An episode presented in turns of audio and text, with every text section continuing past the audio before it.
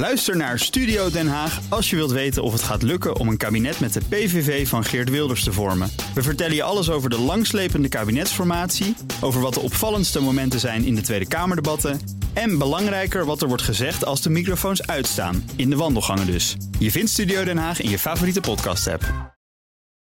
Deze podcast wordt mede mogelijk gemaakt door Amdax. Het handelshuis voor de serieuze cryptobelegger.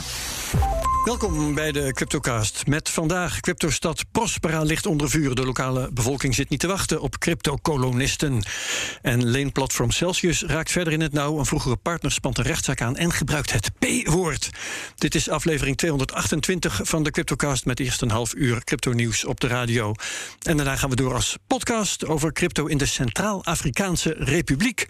Met onze gast Jan Schelen. Hartelijk welkom. Dankjewel. Bestuurslid bij de Blockchain Netherlands Foundation. En jij bent er geweest hè, in uh, de Centraal-Afrikaanse Republiek. Ja, gemaakt met de president en zo. Ja, dat was, uh, dat is een hele bijzondere omgeving. Uh, een hele bijzondere. Uh, wat er natuurlijk allemaal is gebeurd. Hè, met de lancering die daar is voorbereid. Dus maar daar gaan we straks uitgebreid naar kijken. Dat bedoel ik. Mooi. mijn co-host is vandaag Daniel Mol. Hallo. Redacteur bij de Cryptocast en ook bij BNR Digitaal. En uh, de disclaimer is: wij geven geen beleggingsadvies. Vorm je eigen mening, maak je eigen keuzes. En geef ons nooit de schuld. Crypto kan lucratief zijn, maar is ook wel riskant. Goed, um, het nieuws. Prospera, een stad in wording is het. Op het eiland Roatan aan de kust van Honduras moet een cryptoknooppunt in Midden-Amerika worden. De plannen werden met het nodige spektakel aangekondigd op Bitcoin 2022 in Miami. Maar nu blijkt de lokale bevolking zich stevig te verzetten. Daniel, eerst even Prospera. Wat was dat ook weer? Ja, nou ja, een, een privaat gerunde stad. Um, dus dat moet je zien als een bedrijf dat een stad aan het runnen is. Uh, Ook al apart eigenlijk. Ja, dat is best wel bijzonder. Dat, dat, dat is maar op heel weinig plekken in de wereld uh, komt dat voor. Um, en dat, is dat noemen ze dan een speciaal economische zone op een eiland bij Honduras. Dat is opgezet onder de Zee-wet.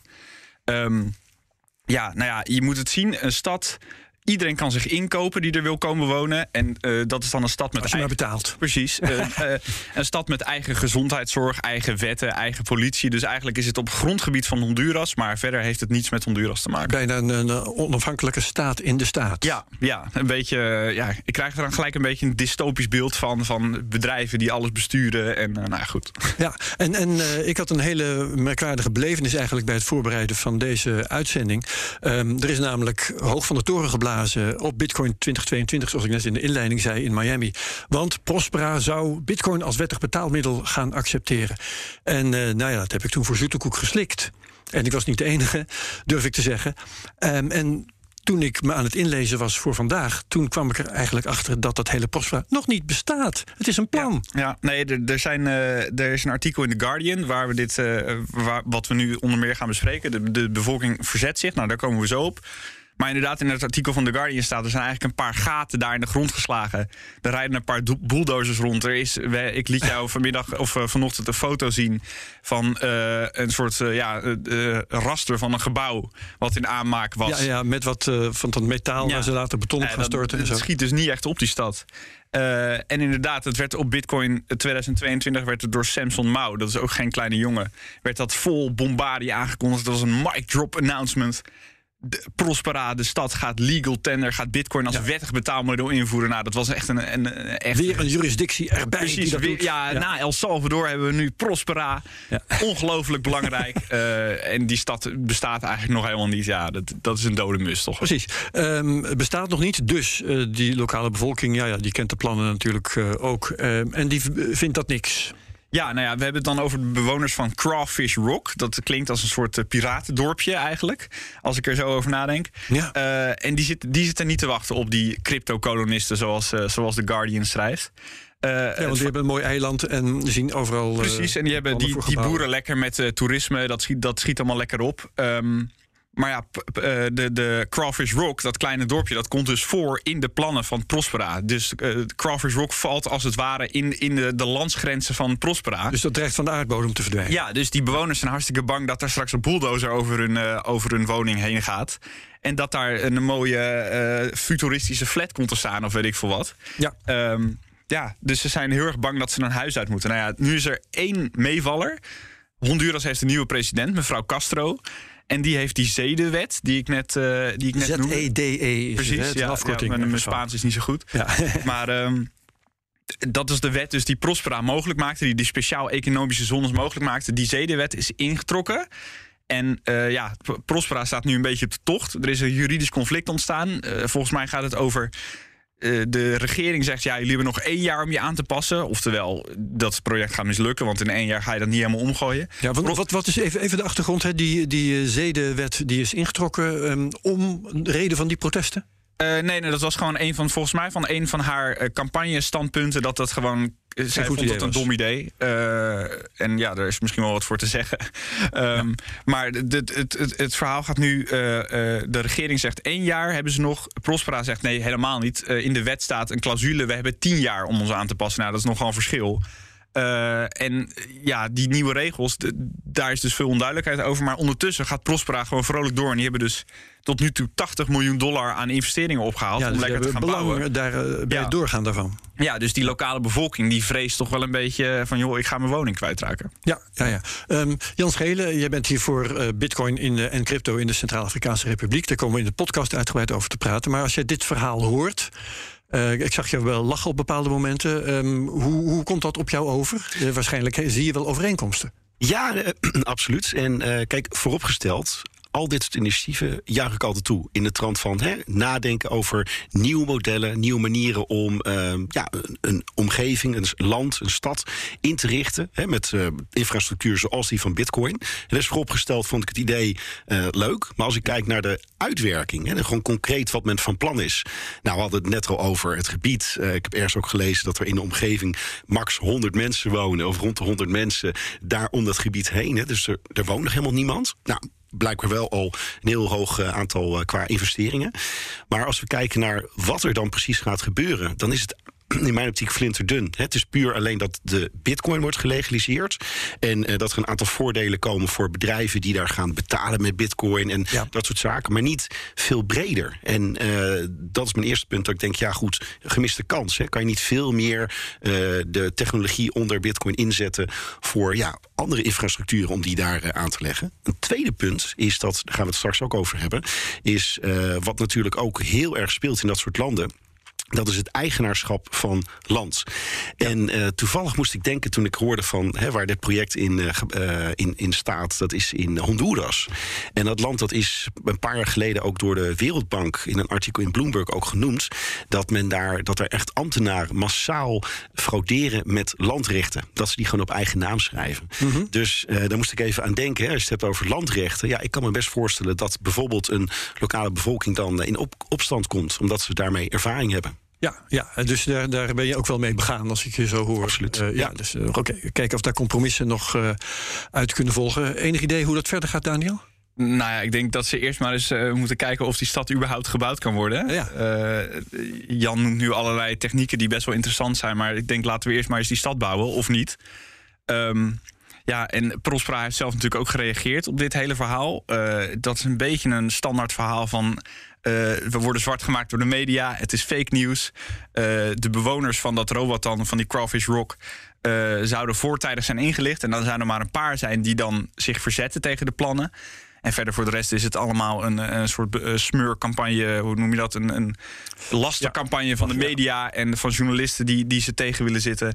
En zij zijn helemaal geen crypto-kolonisten en geen libertariërs. Ja, nou, ik ben heel benieuwd hoe dit afloopt. Maar Precies, we gaan dat ja. uh, nauwlettend volgen. Ja. En anders doet The Guardian dat wel voor ons. Zeker. Want die hebben dit stuk dus geschreven. En uh, gaan we naar linken in de show notes. Mooi, gaan we eens even praten met Bert Slachter um, over de prijzen. Hallo Bert, analist bij de digitale nieuwsbrief Bitcoin Alpha.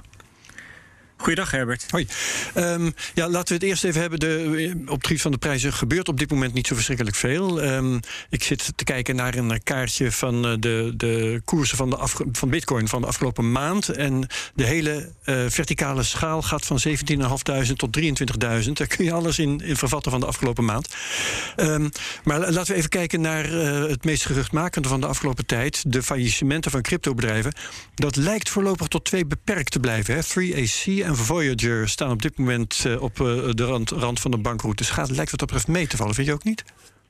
Ja, inderdaad. Ja, die twee hebben volgens mij ook echt daadwerkelijk faillissement aangevraagd. Dus die gaan een procedure in. Dat kan natuurlijk hartstikke lang duren. Dat weten we misschien nog wel van uh, Quadriga, de, de, exchange... en Cryptopia en Mt. Gox natuurlijk. Hè, waar nu uh, mogelijk wat vrij gaat komen. Dus zo'n faillissement kan heel lang duren. maar er zijn natuurlijk veel meer bedrijven... Waar, waar wel dingen aan de hand zijn. Hè, die, die wel um, uh, geld elders hadden uitstaan bij partijen die in de problemen komen of die ook niet de liquiditeit nu hebben. Dus de, zeg maar, de ontrafeling van het verhaal die kan best nog even een tijdje duren. Um, ja, we hadden het uh, in, de, in de Bitcoin Alpha over de, de, de bosbrand die nog wat nasmeult. Mhm. Kijk, en dan kan het natuurlijk best zijn dat er weer wat, wat, wat, dingen, uh, wat vuur oplaait. Weet je wel, dat er toch weer ergens een, een partij tot nu toe zijn adem heeft ingehouden, maar dan toch in de problemen komt. Ja. Dus um, ja, ik, ik, ik zou nog niet de vlag uithangen eigenlijk. Nee, nee, nee, dat gaan we ook niet doen. Want het was me ook al opgevallen dat uh, ja, jij hint al daarnaar. Uh, bij bedrijven als Celsius en Volt en CoinLoan zijn uh, nog gewoon rekeningen geblokkeerd of op een heel laag pitje gezet. Hè, de, de onmogelijkheid mogelijkheid om op te nemen. Dus er, er ja. inderdaad, er smeult nog van alles wat dat betreft. Heeft dat nou invloed op de, op de prijzen nog? Of is alles al ingeprijsd? Nou ja, dat denk ik eigenlijk wel. Hè? Want um, wat er gebeurd is uh, een aantal weken geleden, voordat die koers in deze regio kwam, is dat er ontzettend veel bitcoin verkocht is Um, uh, gedwongen. He, dus, dus, dus noodgedwongen, omdat partijen ja. moesten liquideren. Margin calls. He, en um, ja, bijvoorbeeld margin calls, uh, maar ook DeFi-contracten waarin die liquidaties plaatsvonden. Okay, ja. um, ook miners die moesten verkopen om, om, om hun rekeningen te kunnen betalen. Ja. Dus allerlei partijen die door die snel dalende prijzen, die lager waren dan ze hadden gedacht, dan, dan ze hadden gedacht dat die zou komen, zeg maar, in de problemen kwamen. en dat heeft met name die prijs deze regio ingeduwd. En ik denk dat er, ja, nu, er, er moet nu wel weer echt een, iets plaatsvinden. Uh, wil die koers nu weer heel erg in beweging komen naar beneden toe? Ja, ja. en um, is naar boven toe überhaupt mogelijk? Of zie je dat sowieso niet gebeuren de komende, weet ik veel, weken of maanden? Nou, ik denk dat als, je, als we heel eerlijk zijn, dat, dat heel veel mensen, heel veel professionele partijen, maar ook consumenten, het allemaal even afwachten. Hè. Er hangt natuurlijk zo ongelooflijk veel boven de financiële markten. En ik denk dat, dat het belangrijkste thema van de afgelopen weken is dat de angst voor hoge inflatie ja, um, in de schaduw komt te staan van een angst voor een recessie, van een op, op komst zijnde of misschien er al zijnde recessie. Ja. En dan is de vraag hoe, hoe, hoe ernstig of hoe scherp wordt die dan en wat zijn de consequenties daarvan? Ja, weet je, men, ik denk dat men het hoofdzakelijk afwacht. Ja, dat is duidelijk. Um, nou, jij in zekere zin ook, want jij gaat een maand op vakantie. Um, ja, uh, ga je met een gerust hart op vakantie? of ga je toch ook met argusogen de uh, prijsontwikkelingen volgen vanuit je camper? nou ja, inderdaad. Ja. Nee, ik ga um, uh, zeker. Ik heb zeker geen posities die aandacht vereisen nu. Hè, want mm -hmm. ja, er zou best nog wel eens wat volatiliteit kunnen zijn. Wat, wat bewegelijkheid van de koers. Hè, morgen komen de inflatiecijfers in de VS. Over een week of twee een nieuwe rentebesluit. Um, we komen ook in earnings season. Hè, dan gaan allerlei bedrijven hun kwartaalcijfers bekendmaken. Ja. Nou, dat gaat van alles zeggen over um, wat de aandelenkoersen gaan doen. En de, en de aandelenindexen. Ja, daar is, daar is bitcoin en crypto-assets zijn er ook wat mee gecorreleerd. Dus de, de zwakte daar kan ook via algoritmes weer voor zwakte hier zorgen. Dus ja, dat, het, het, het is wat dat betreft wel een, um, een spannende tijd de komende maanden. He, en je ziet ook dat de euro steeds zwakker wordt. Er zijn ook mensen die daar naar kijken, ja, die daarop ja. reageren. En die daar, he, ja, wat dat betreft een heel bijzonder moment. He, voor het eerst sinds 2002 staan we op het punt dat 1 euro 1 dollar is. Ja. Nou ja, dat, uh, dat, dat is overigens voor bitcoiners wel in Nederland wel weer een goed verhaal, of een, goed, een, goede, goede zaak. Eh, want um, de, koers is nu op dit moment 19.800 dollar en 19.800 euro. Dat is niet vaak zo. Ja. En de laatste. Ja, en, en, en vorige zomer. Um, uh, uh, was, was, was, had je voor 19.800 euro nog een bitcoin-koers van 24.000 dollar nodig. Precies. dus wat dat betreft uh, doen we het in, in euro's doen we het beter dan in dollars. Steken we mooi in onze zak. Um, maar is er eigenlijk in, uh, op cryptogebied zoiets als uh, sell in May and go away and remember to be back in September? Hadden we eigenlijk moeten doen, hè, in verkopen. Dat kun je rustig zeggen op dit moment. Ja, dat is een, dat is een oude beurswijsheid. Hè? Ja. Die hebben de, de oude beurshandelaren al op tegeltjes gezet. Ja. Kijk, er is wel een bepaalde seasonality, een bepaalde seizoenswerking. Hè? Dat, dat ehm, over, nou ja, goed, we zijn pas 13 jaar onderweg natuurlijk. Maar dat in die 13 jaar dat je wel ziet dat bepaalde maanden, bepaalde periodes in het jaar het ehm, ehm, significant beter of slechter doen dan andere. Ehm, ik weet niet zo uit mijn hoofd of dat inderdaad juni, juli, augustus is. maar het nee. zou best kunnen. Nou, maar bit- Bitcoin is wat dat betreft een stuk onberekenbaarder volgens mij dan, eh, dan de aandelen.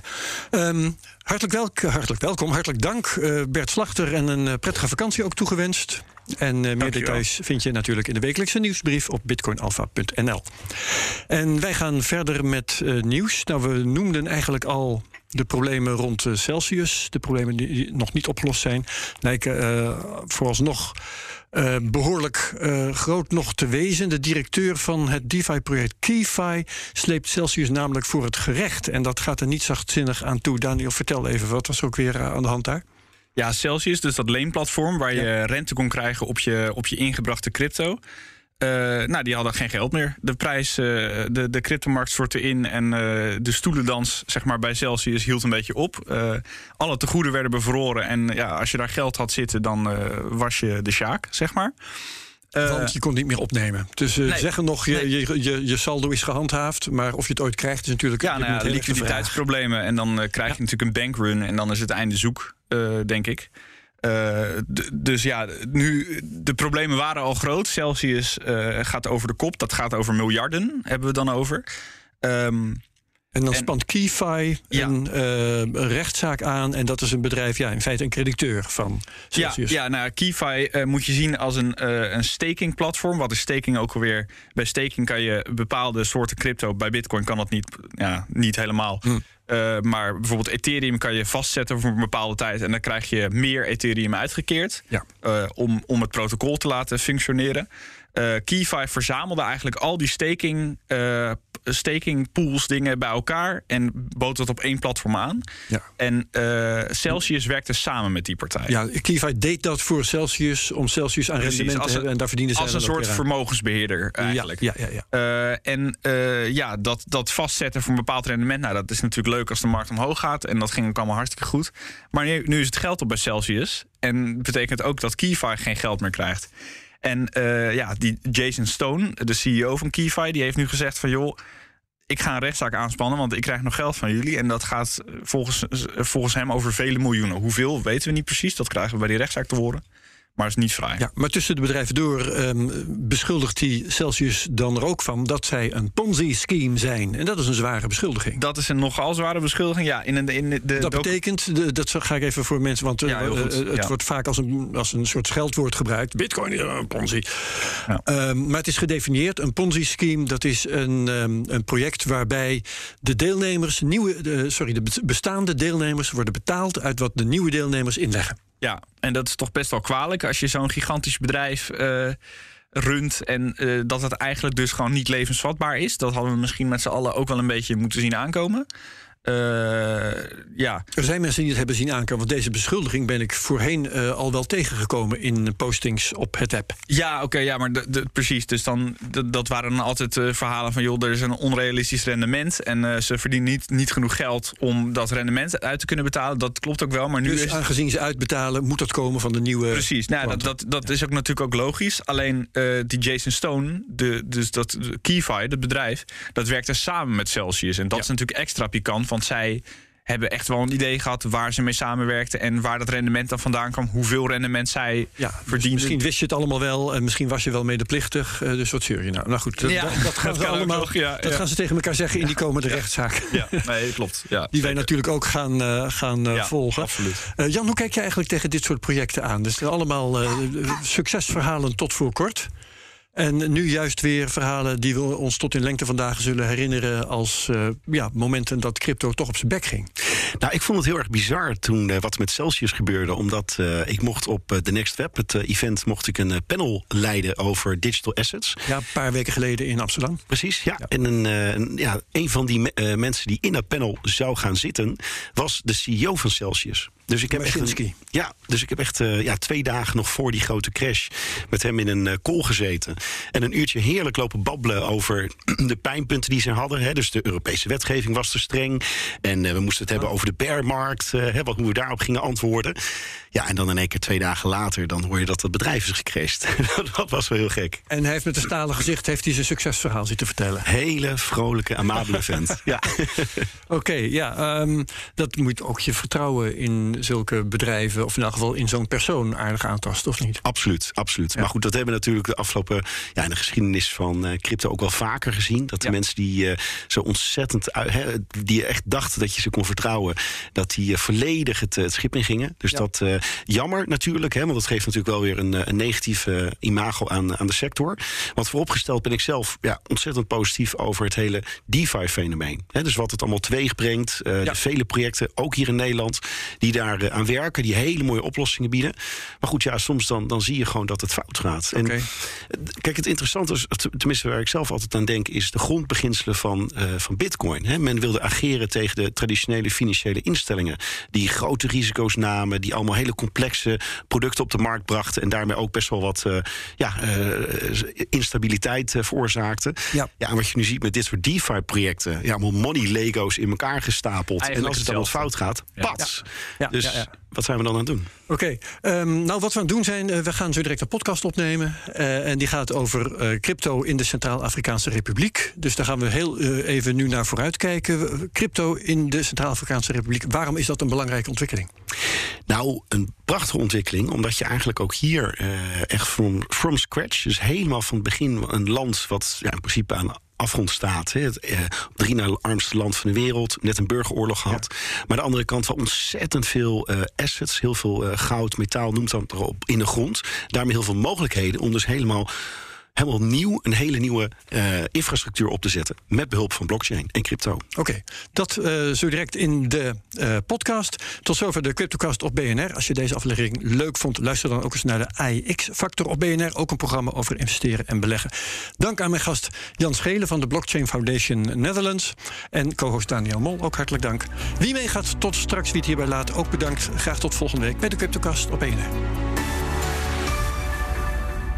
Deze podcast wordt mede mogelijk gemaakt door Amdax.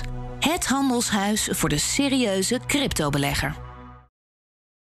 Ook Diana Matroos vind je in de BNR-app. Ja, inderdaad. Je kunt live naar mij luisteren tijdens de Big Five.